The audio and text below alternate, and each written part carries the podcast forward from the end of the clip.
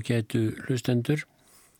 Í síðasta þætti var ég eins og stundum áður að lesa samantekt upp úr æfisögu Viktors Kravtjenkos en uh, svo hétt ég kaus frelsið og þar sagði hann frá lífi sínu og annara í Sovjetríkunum eftir að kommunistar höfðu tekið þar völdin upp úr fyrri heimstyrjöld og stopnað Sovjetríkin. Og þar var komið sögunni að Kravchenko sem hafi gengið í kommunistaflokkin upp fullur af bjart síni og starfsþreki og taldi að kommunistar væru réttu mennirnir til að bæta samfélagið og leiða yfir það réttlæti og sangirni. Það voru farnar að renna á hann tvær grímur en hann var þó enn þeirrar sinnu að réttast væri að vinna að endurbótum innanfrá en ekki setja sig upp á móti kerfinu. Og eh, í þeim tilgangi var hann komin til Moskvu og eh, mættur á skrifstofu Sergo Ortsjónikitse sem var einn helsti yfirmaður yfirnaðarmála í Sovjetríkinum. Í byggstofunni voru 16 menn, skrifar Kravchenko. Þeir voru allir í góðum holdum og vel klættir. Sumir þeirra auksínilega í erlendum fötum. Næstum allir höfðu þeir skjálatöskur meðferðis. Þetta voru bersínlega framkvæmda stjórar stóra verksmiðjuringa, stjórnendur stóra yðnaðarfyrirtækja, menn úr efstu röð fjármálanleðtoga Sovjetríkjana. Þar sem ég var sá yngsti í byggstofunni og í lóslitnum föttum fannst mér ég vera þarna eins og nærgöngull maður, eins og fátækur ættingi, eins og skrítnifrændin. Hinnir mennetnir litut aldrei tortrygnir á mig eins og þeir vildu segja hvað hefur þessi náungi að gera í okkar virðulega félagskap. Allt í einu heyrðum við háfað og róp bak við stóru dyrnar sem lágu að skrifstofur á þeirrans. Ég þekkti georgískan málreim Ortsjóni Kítses. Við lítum allir forvitnir út aldrei órólegir til dyrana Ef ráðherran var í sleimuskapi var útlitið ekki gott um erendi okkar hversum sig. Svo var dyrunum hrundið upp. Feitur, sveittur og sínilega hrættur maður kom í hendingskasti út með opna skjálatösku í hendinni. Úr töskunni dyttu á gólfið ímisleg matar áhöld, skeiðar, nývar og gaflar. Veslingsmaðurinn sem átti óhægt um vik vegna ofittu beigði sig niður eftir dótinu og kastaði því með fumi niður í töskuna, lokaði henni með skjálfandi fingrum og þauðt út að hans að líta á nokkur nokkar. Rétt á ettir byrtist Ortsjóni Kítse, brosandi og vingjartlegur og sá all á honum að neitt ofennjulegt hefði komið fyrir. Við stóðum allir sem einn á fættur í verðingarskinni. Ég skaut þessum óþokka sannarlega skelkibringu, saði ráþarann til skýringar við okkur alla og hló og hann átti það sannarlega skilið bættan við. Þið hefðu átt að sjá þau síni svona af borðbúnaði til fjöldaframleiðslu sem hann kom með til mín. Þetta var ekki einu sinni nógu gott handa villimönnum, klunnalegt og ljótt eins og skoblur. Við verðum að hætta þeim hugsanurhætti félagar að allt sé nógu gott handa sovjetjóðinni. Við verðum að leggja áherslu og gæði ekki síður en magn. Jæja, loðið mér nú að heyra erindi ykkar hingað. Við hlið Semúskins, rittara síns, gekkar á þeirra nú frá einum gestinum til annars. Þegar hann hafði hyrt erindi gestsins, baðan hann annarkort að snúa sér til aðstóðarmanns eða koma aftur á ákveðnum tímum. Á árunum sem liðin voru síðan ég hitti Ortsjóni Kitse, suður í Ukrænu, hafði hann gildnað. Stríkt hár hans og þjætti yfirskegg hafði gránað. En stórskorið andlit hans og hinn eðlilegi gladlegi svipur vakti enþá tröst. Þegar hann kom til mín, þá rétti ég hann um skilríki mín. Hann leiti í flíti á eittir og leiti hínast upp með glampa í augum. Góðan daginn, gamli vinnur, saðan. Já, ég mann vel eftir yður, félagi Kravtjenko. Ég vona að yður fari vel fram við námið og ég hlakka til að tala við yður, eigum við að segja í kvöld klukkan tíu. Félagi Semjúskin, takið þennan félaga aðiður og sjáuðum að honum líði vel. Þegar ráþarann var komin afturinn í skrifstóðu sína kom semjúskin reytari til mín og tók fast í handleikin á mér til að óska mér til hamingju. Það var auksínilegt að Ortsjóni Kítse var mér vinnveittur og reytari hans fylgdi dæmi hans. Hinnir mennirnir horðu nú á mig með nokkuru öfund. Svona ungur maður og hinn almáttu í ráþeira er þegar farin að brosa til hans. Mér var ekið til Metropól gistihúsins í stóri Lincoln bifrið frá bandaríkjunum. Er ég hafði sínt bref frá ráðuneytinu var mér þegar í stað vísað í stort herbergi á einni af efri hæðunum. Ég fann til innri upphefðar í nálagð minni við þá sem völdin höfðu.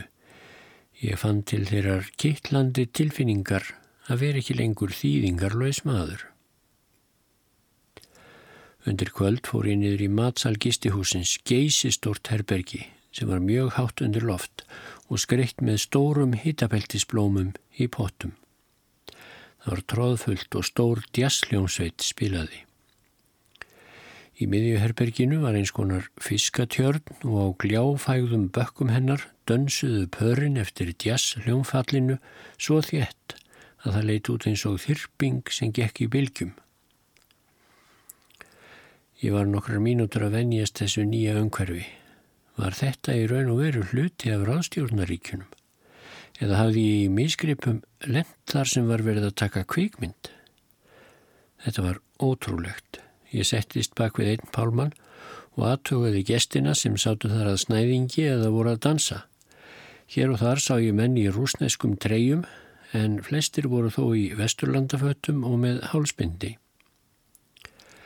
Sumar konurnar voru í svo flignum kjólum að ég hafði aldrei séð hana eins nema á hlýðarkápum bóka. Þarna voru margir útlendingar, einn hópurinn var í smoking og stífum hvítum skirtum. Gegnum bógagöng í öðrum enda borðsalarins sá ég bar þar sem nokkrar fallegar stúlkur báru fram drikk handa útlendingslegu mannum sem sátu á háum stólum. Hugsunin um braggana í Nikopól let mig ekki í friði meðan ég skoðaði þennan stað. Velkomnir í höll-okkar félagar hafði verkamadurinn gamli þar sagt við mig má bjóð ykkur róttur eða veggjalís. En ég vek þessari hugsun til hliðar. Þetta var Moskva. Svona var Moskva.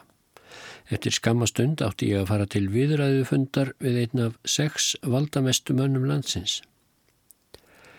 Laungu fyrir hinn tilsetta tíma var ég á nýstattur í byðstofu ráðunettisins.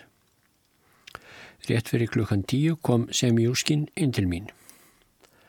Þér verðið eftirvill að býða dálitið. Félagi Búkharinn er hjá ráðhranum. Félagi Búkharinn, hjartaði mér, tók viðbrað. Tilhugsunin um að hitta Nikolai Búkharinn var næstum eins og að hitta Lenin. Meðal hérna miklu nafna bildingarinnar stóðu nafn Búkarins aðeins að baki nafnum Lenins og Trotskís. Til undirbúnings því að verða æskulíðsfylkingarfélagi hafði ég lesið bók Búkarins, Stavróf kommunismans.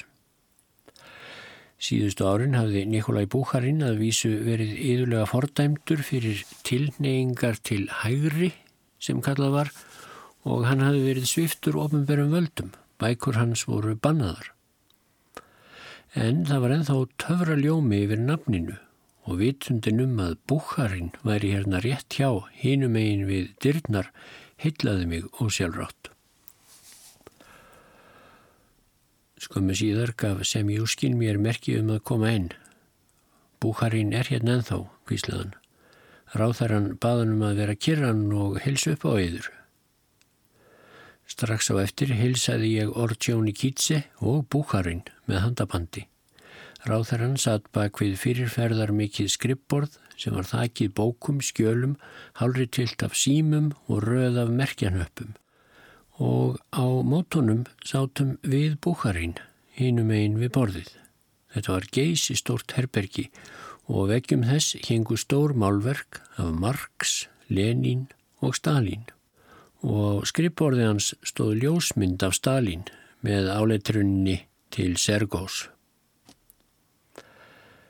Jæja félagi Kravtjenko, saði ráþurann sem sínilega var að reyna að gera mig rólegan, segið okkur nú stutt og greinilega frá því sem þér vitið um Nikopol fyrirtækið.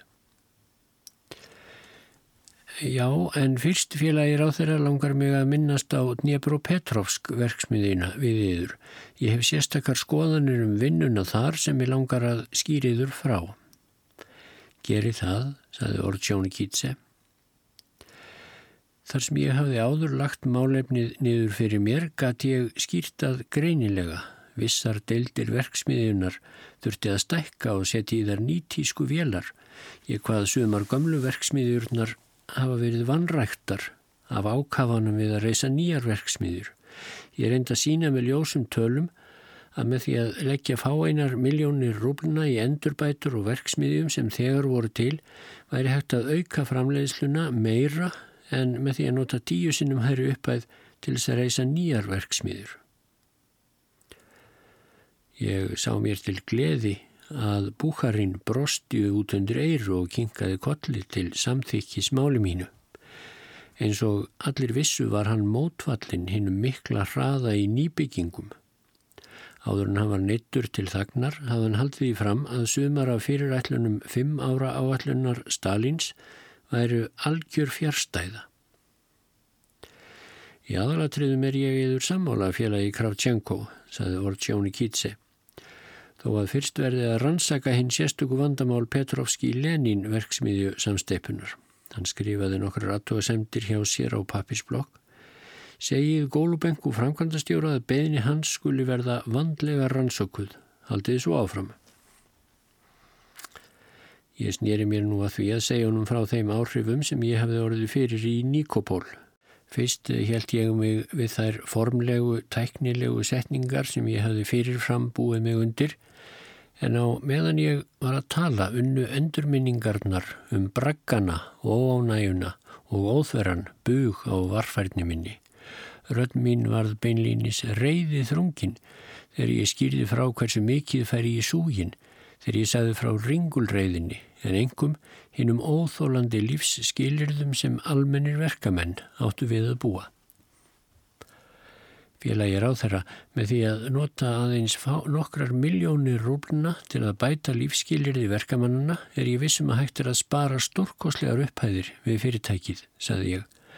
Vannræksla á því að taka hæfilegt tillit til mannana sem vinna við fyrirtækin mun gera allar áætlanirnar á staðins og Nikopól að harmleik um óþarfa eðslu. Bravo, rópaði búkarinn og Orðsjóni Kitsi reyndi árangurslaust að dilja brositt. Mergur málsins held ég áfram hrifin af mælskuminni er launa fyrir komunlægið. Fyrir alla frá hennum hæst setta yfirverkvæðingi til hins lægst setta verkamanns og þar næst gefur neistluvöru vandamálið. Svo hægt sé að kaupa þær vörur sem verkamennir þarnast, mat, fatnað og búsáhald fyrir þá peninga sem þeir vinna sér inn. Þegar ég hitti yður í fyrsta sinn félagir á þeirra kvartaði ég yfir afskiptum af stjórn fyrirtækisins. Það er til bóta að einn einstakur maður hafi á hendi stjórnin og ábyrðina en nú hefur verið horfið til hérna gagstæðu öfga og verkamennir fá engur áðið. Þeir eru jáfnvel kallaðir fyrir leinithjónstuna ef þeir dirfast að mótmæla hinnu hræðilega ástandi. En ég held að ég segja of mikið, afsækið mig, en þetta likur mér þungt á hjarta. Nei, nei, haldið þér á framfélagi, rópaði Orðsjóni Kítse. Það er hressandi að heyr einhvern tala með öllum munninum en ekki aðeins með hlutafonum. Allt sem þér hafið sagt er satt, þér skuluð ekki halda, ég viti það ekki. Ég fullvissaður um að félagi Stalin hefur mikinn áhuga á launamálinu en það er auðveldar að viðurkenna meinin en ráða bót á þeim. Viðræðu fundurinn stóði yfir í næstum því klukkustund. Einu sinni spurði ráþarann mig hvort ég hefði nokkur sinni verið erlendis. Nei, það hef ég ekki verið, svaraði ég, en ég hef lesið yðntímaritt frá Svíþjóð, Þískalandi og Amríku. Við þurfum að læra margt. Þegar þér hafið lokið námiðar, munum við eftir vil sendiður til Ameríku og Þískalands. En nú skulum við sleppa viðskiptunum andartak hafið þér komið í leikhúsin hérna og í söfnin. Ekki en þá en ég vona ég geti séð eins mikið og mögulegt er. Ágætt, ég gefi yfir fimm daga leifi í Moskvu, býðið eftir sem júskin í byðstofunni og verðir nú sælir þanga til við sjáumst aftur. Ég var ansi ringlaður þegar ég fór frá þeim. Þetta var það næsta sem ég hafði nokkru sinni komist valdinu og tilvinningin steg mér satt að segja til höfuðs. Þeir menn sem þá sátu í byðstofunni litu á mig með ódulinni forvitni.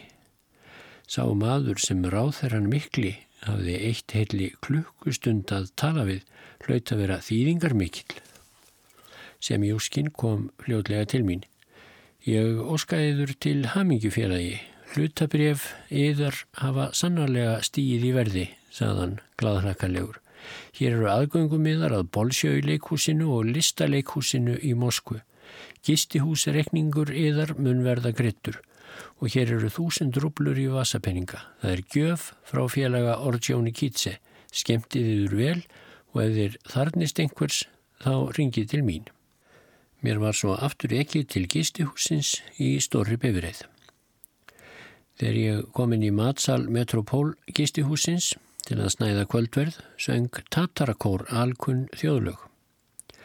Einhvern veginn fannst mér umhverfið nú ekki lengur ókunnuglegt eins og mér hafði þótt. Svo staðrind að ég hafði nýlega verið á tali við Ortsjóni Kítse og Búkarinn gerði það verkum að mér fannst eins og ég ætti hér heima næstum eins og ég væri einnina útvöldu. Hversu auðvelt er það ekki að láta undan sætleika valdsins og munaðarlífsins? Hversu lengi myndu þjáningar nokkura ókunra vanhyrtra verkamanna á stöðum eins og Nikopól, þingja og samviskuminni ef ég ætti að búa í Moskvu með nægilega peninga á milli handana, bifreið til umráða og djassljómsveit til að yfirgnæfa rödd samiskunnar. Á næstu fimm dögum sá ég einn söngdansleik, tvo söngleiki og einn sjónleik í listaleikúsinu í Moskvu og annan í Vakhtangov leikúsinu. Ég dvaldist margar klukkustundir í Tretjakov listasafninu, Bildingarsafninu, Lenin bókasafninu og öðrum söfnum sem nöðsynlegt var að sjá í höfuborginni. Kvílík gnægð, fegurðar og þekkingar var til í veröldinni. Þegar ég myndist þess að félagi Lazarev, kennarin sem hafi laðað mig að flokknum og hugsunum hans fyrir mörgum árum í Donetsk námunum, átti heima í Moskvu þá ákvaði ég að heimsækjan. Hann myndi eftir mér og tók hjartanlega á móti mér. Hann bjó í lítilli íbúð í einni af nýju sambyggingunum handan Moskvufljótsins. Það glatti mig að sjá að ljósmynd af Tolstói hjekk enn á vegnum hjá honum og ég ætti bátt með að gera mér grein fyrir ástæðunni til þess. Hann kynnti mig fyrir konu sinni, indislegri ungri konu sem var virkur flokksfélagi eins og hann. Við sjóðheitt glas af te saði ég þeim í stuttumáli hvað á daga mína hefði drifið síðan við hittumst við námurnar. Hámark frásagnarinnar var auðvitað ítarleg lýsing á því þegar ég hitti Ortsjóni Kítse og Búkarinn. Lazarev hlustaði þögull á mig. Allt í hennu fann ég að hrifning mín særði hann. Þúsund rublur, aðgöngum yðar að leikúsum, glæsilegar bifræðar, metropól, sagðan daldi dapurlega. Já, það var á þann hátt sem stórfurstar gamla stjórnar fyrir komulagsins komum fram við gæðinga sína. Aðeins nöfnin hafa breyst. Þér eruð ekki sangjarn, félagi Lazarev, tók ég fram í fyrir honum, daldið ákafur, verði ég viðurkenna. Það sem hefur haft áhrif á mig er að ráðherran skildi vera fús til að hlusta á mig. Ég vissum að hann skilur erfiðleika almennings og hefur samúð með honum. Og ef hann hefur það, þá hygg ég að félagi Stalin hafi það líka. Það er það sem gleður mig. Lazarev var nú í þýingar mikil stöðu við háskólan í Moskvu. Það var meðlimur mikilsvarðandi nefndar innan flokksins en þó virtist eins og við hefðum skiptum hlutverk þegar við töluðum saman síðdeis þennan dag. Hinnur háflegu vonir hans og áhugi voru að fjara út. Nú var það ég sem tók málstað flokksins. Hafið þér nýlega verið úti í sveitaþorpunum í Úkrænu? spurðan mig allt í einu. Nei, en ég veit heilmikið um hvað þar er að gerast. Að vita og að sjá er sitt hvað, saði Lazarev. Sjáu þeir til, ég er nýkomin heim frá Úkrænu. Ég var nálagt Odessa. Starf mitt var að koma samirkjubúskapnum í framkvæmd í einu héræðinu. Og ég er hrættur um það, vinnur minn, að ég geti ekki talað eins rólega um það og þér geti talað um örlæti ráþærans og dagpenningana. Lazarev saði mér að hann hefði ferðast til Odessa sem meðlimur nefndar trúnaðarmannarflokksins í Moskvu eftir að búið hafði verið að setja af marga af leðtógunum á staðnum vegna þess að þeir hafði ekki getað framkvæmt þau verkefni sem þeim voru falin við víkendi héræðinu. Mótstaða bændana þar var sérstaklega heftarleg og endaði oft með því að bændurnir fröndu sjálfsmorð frekar en að undirgangast fyrir skipanir yfirvaldana. Og svo virtist sem ennbættismenninir í Ódessa gæti ekki beitt þeim föstu tökum sem beita átti til að kveða þessa mótstöðu niður. Ástandið var álitið svo alvarlegt að sjálfur Molotov fórðangað sem erindir ekki stjórnmóla nefndarinnar til þess að styrkja ennbættismennina í strángleik þeirra. Félagi Molotov kallaði virku flokksmennina saman, saði Lazarev, og hann talaði skýrt og greinilega, það má neyga. Hann sagði að framkvæma yrði verkið alveg án tillits til þess hver mörg mannslíf það myndi kosta. Á meðan til væru miljónir smájarða eigenda, þá myndi byltingin vera í hættu. Það yrði að uppræta eignarhald bænda á jörðum sínum. Sá möguleiki myndi alltaf vera fyrir hendi að ef til ófríðar kæmi þá gengju bændurnir í lið með ofinnunum til að vernda eignir sínar. Meðöngun og harmatölur ættu engan rétt á sér. Við miskildum Molotov ekki.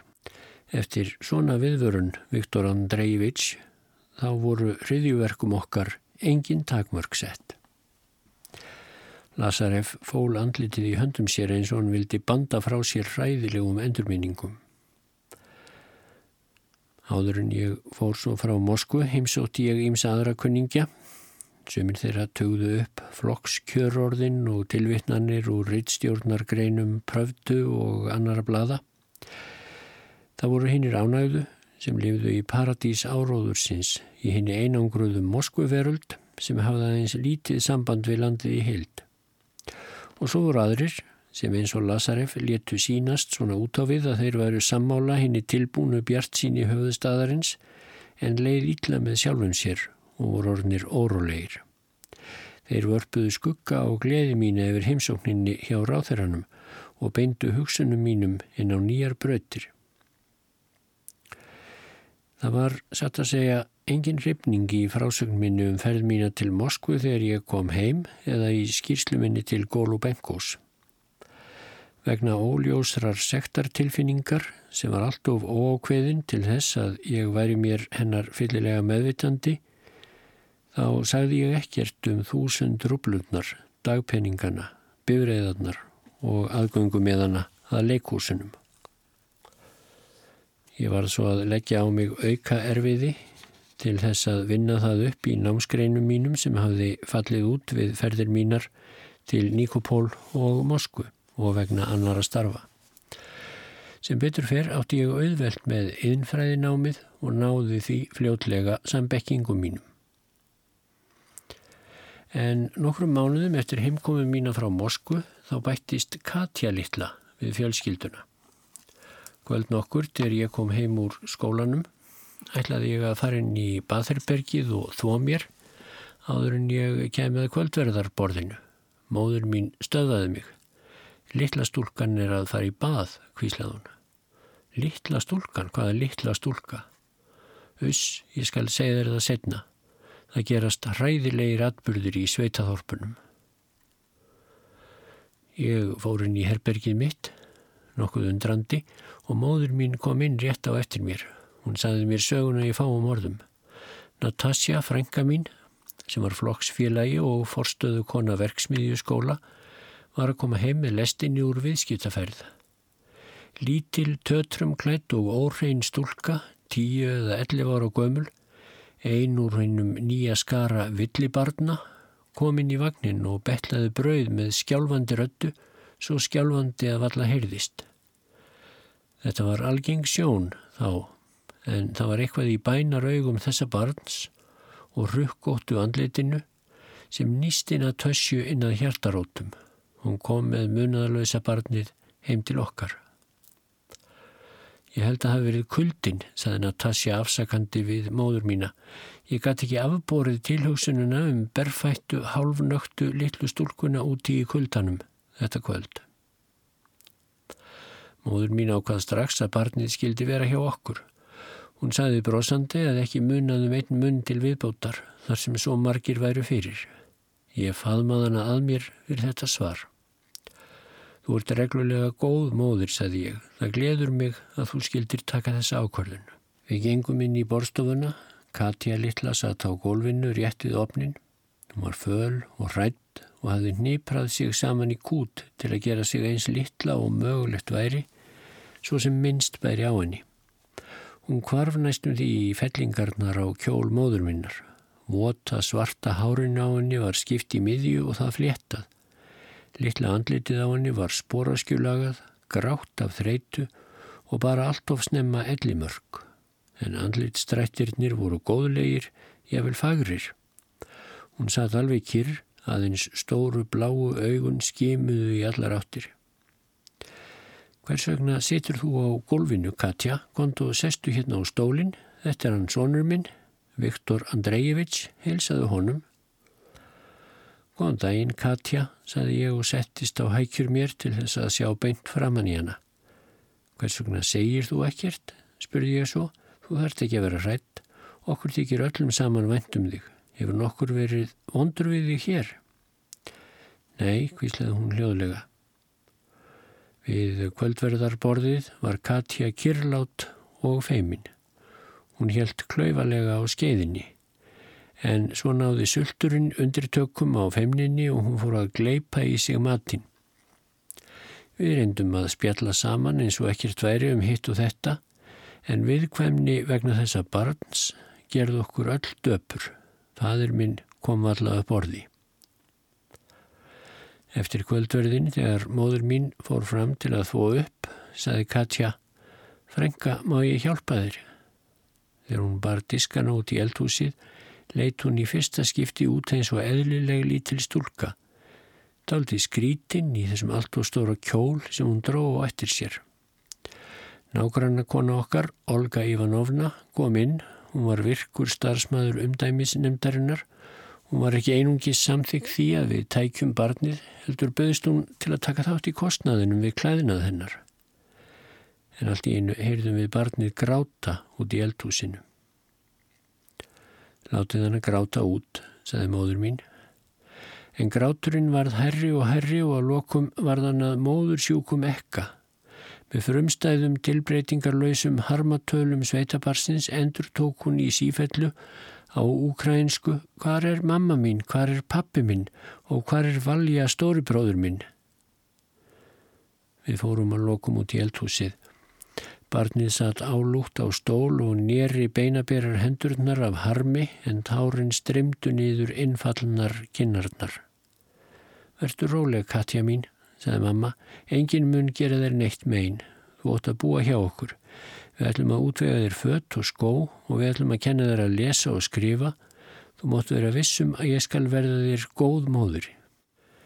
En barnið vildi ekki láta huggast. Hún fór að segja frá sjálfri sér. Hættu vina mín, hættu, greip móður mín fram í. Þú segir okkur þetta bara setna. Nei, saði Katja.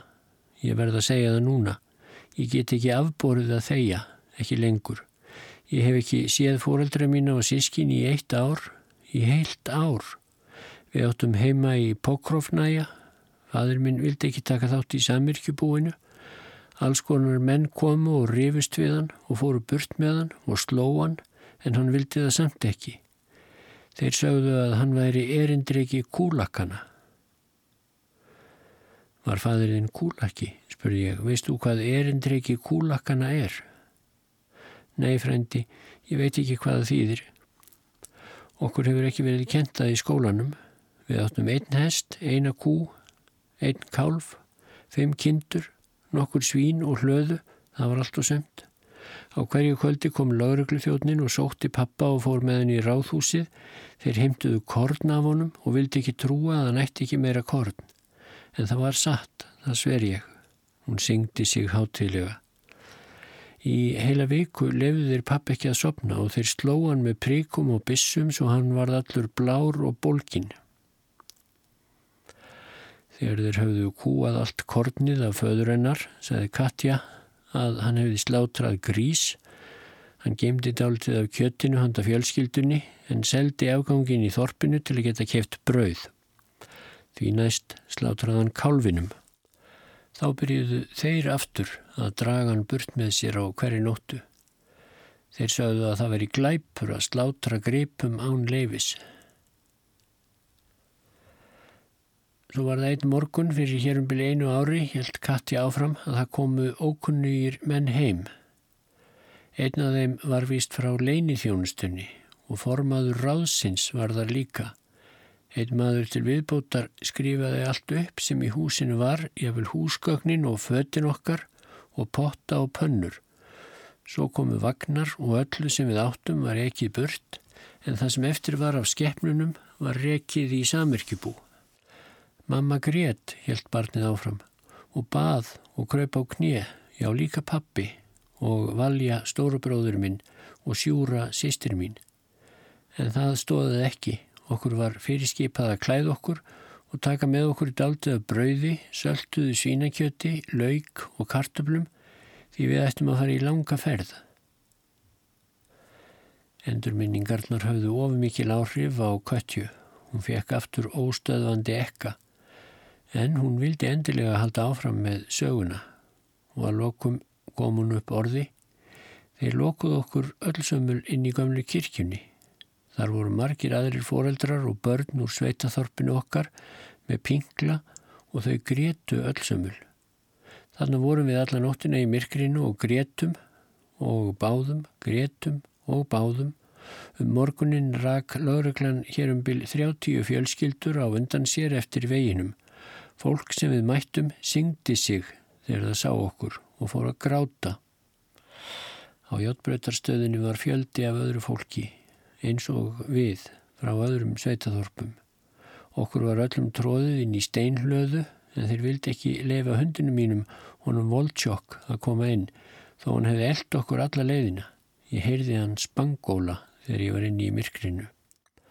Skömmi síðar var okkur hlift út og við vorum rekin upp í gripavagna sem stóðu á jöttbröytarteinunum. Þeir voru þarna í laungum röðum en ég gæti hverki séð voldsjokk og vörðurinn sparkaði í mig þegar ég spurði eftir hundinu mínum. Þegar vagnin okkar var orðin svo fullur og það var ekki rúm fyrir fleiri, jáfnvel þegar við stóðum öll þá voru hann læstað utan. Við gretum öll og báðum til Marju Meijar. Svo óg lestin af stað. Engin vissi hvert við værum að fara, sem er sögðu til Sýberju, en aðri neituðu því við ættum að fara lengst í norður eða eftirvill til heitu eigðimarkana. Nálagt Karkov var mér og sjúru sýstur minni lefti að fara út til að ná í vassopa. Mamma let okkur fá daldið peningum og flösku og bað okkur að reyna að kaupa mjölk handa nýfættum bróður okkar sem var mikið veikur. Við báðum vörðin svo lengi um að lofa okkur að fara út að hann gerði það þótt hann segði að það veri gagstætt þeim fyrirmælum sem honum hefði verið gefin. Skamt þar frá voru nokkur bændakofar og við hlupum þangað eins hart og fætur tóguðu. Þegar við sögðum fólkinu hverjar við værum fór það að gráta. Það gaf okkur undir eins eitthvað að borða, fylgdi svo flöskuna um mjölk en vildi ekki taka við peningunum. Svo hlupum við aftur til stöðvarinnar. En við komum of seint. Lestin var farin á undan okkur. Katja hætti frásögninni til að gráta aftur yfir móður sinni föður sínum, bræðurum og sýstur. Nú grétum við líka flest sem vorum í eldhúsinu með þessu barni. Því meira sem móður mín reyndi að hugga kvötju, því herra greitt hún sjálf. Andleit föður míns var þungbúið og hann saði ekkert. Ég sá krampadrætti fara um vöðvana í andleiti hans. Katja og sýstir hennar urðu nýliðar í hennum geysistóra skara heimilislausra barna sem reikuðu frá einu sveitaþorpi til annars. Þar læriðu að betla, afla sér matar og að hanga aftan í lestunum. Þær læriðu til fullnustu hinn að sérstöku mállísku viltu munnaðarleysingjana. Svo urðu þær viðskila á markaðstorki þegar lauruglþjóðin eldi þær og upp frá því var Katja alein í þessari veröld þanga til Natasja kom með hana til heimilis okkar. Okkur fór að þykja svo vandum Katju og hún fór að kunna vel við sig heima hjá okkur. En stundum á nóttunni þá heyrðum við enn nýður bæld ekka sogennar og gamla harmkvæðið Hvar ertu, elsku mamma, hvar ertu, pappi minn? червона калина похилилася, чогось наша славна Україна Зажурилася.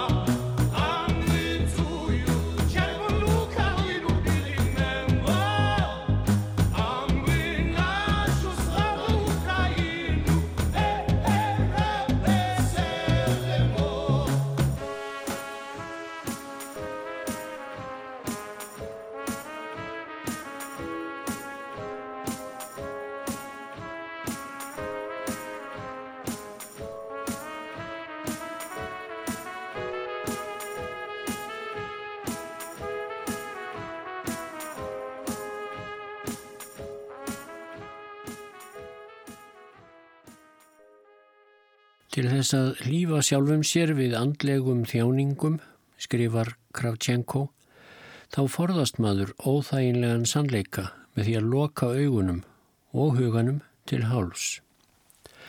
Hann leitar á náðir felmturskjendra undanbragða og víkur sannleikanum til hliðar með orðum eins og íkjum, móðursíki. En svo kemur allt í einu eitthvað fyrir sem neyðir hann til að opna bæði augun og hugan. Nú fyrst horfir hann án þess að deppla augunum. Svona var því varið með mig vikurnar eftir að Katja litla bættist við fjölskyldu okkar. Á þess að vita það sjálfur hafði ég verndað trú mína gegn staðrindum sem gáttu veiktana um það hvernig ástandið var orðið í Úkrænu. Ég hafði sniðgengi tækifæri til að komast í námynda við héruð þau í nágrenninu þar sem verið var að koma samirkju búskapnum á.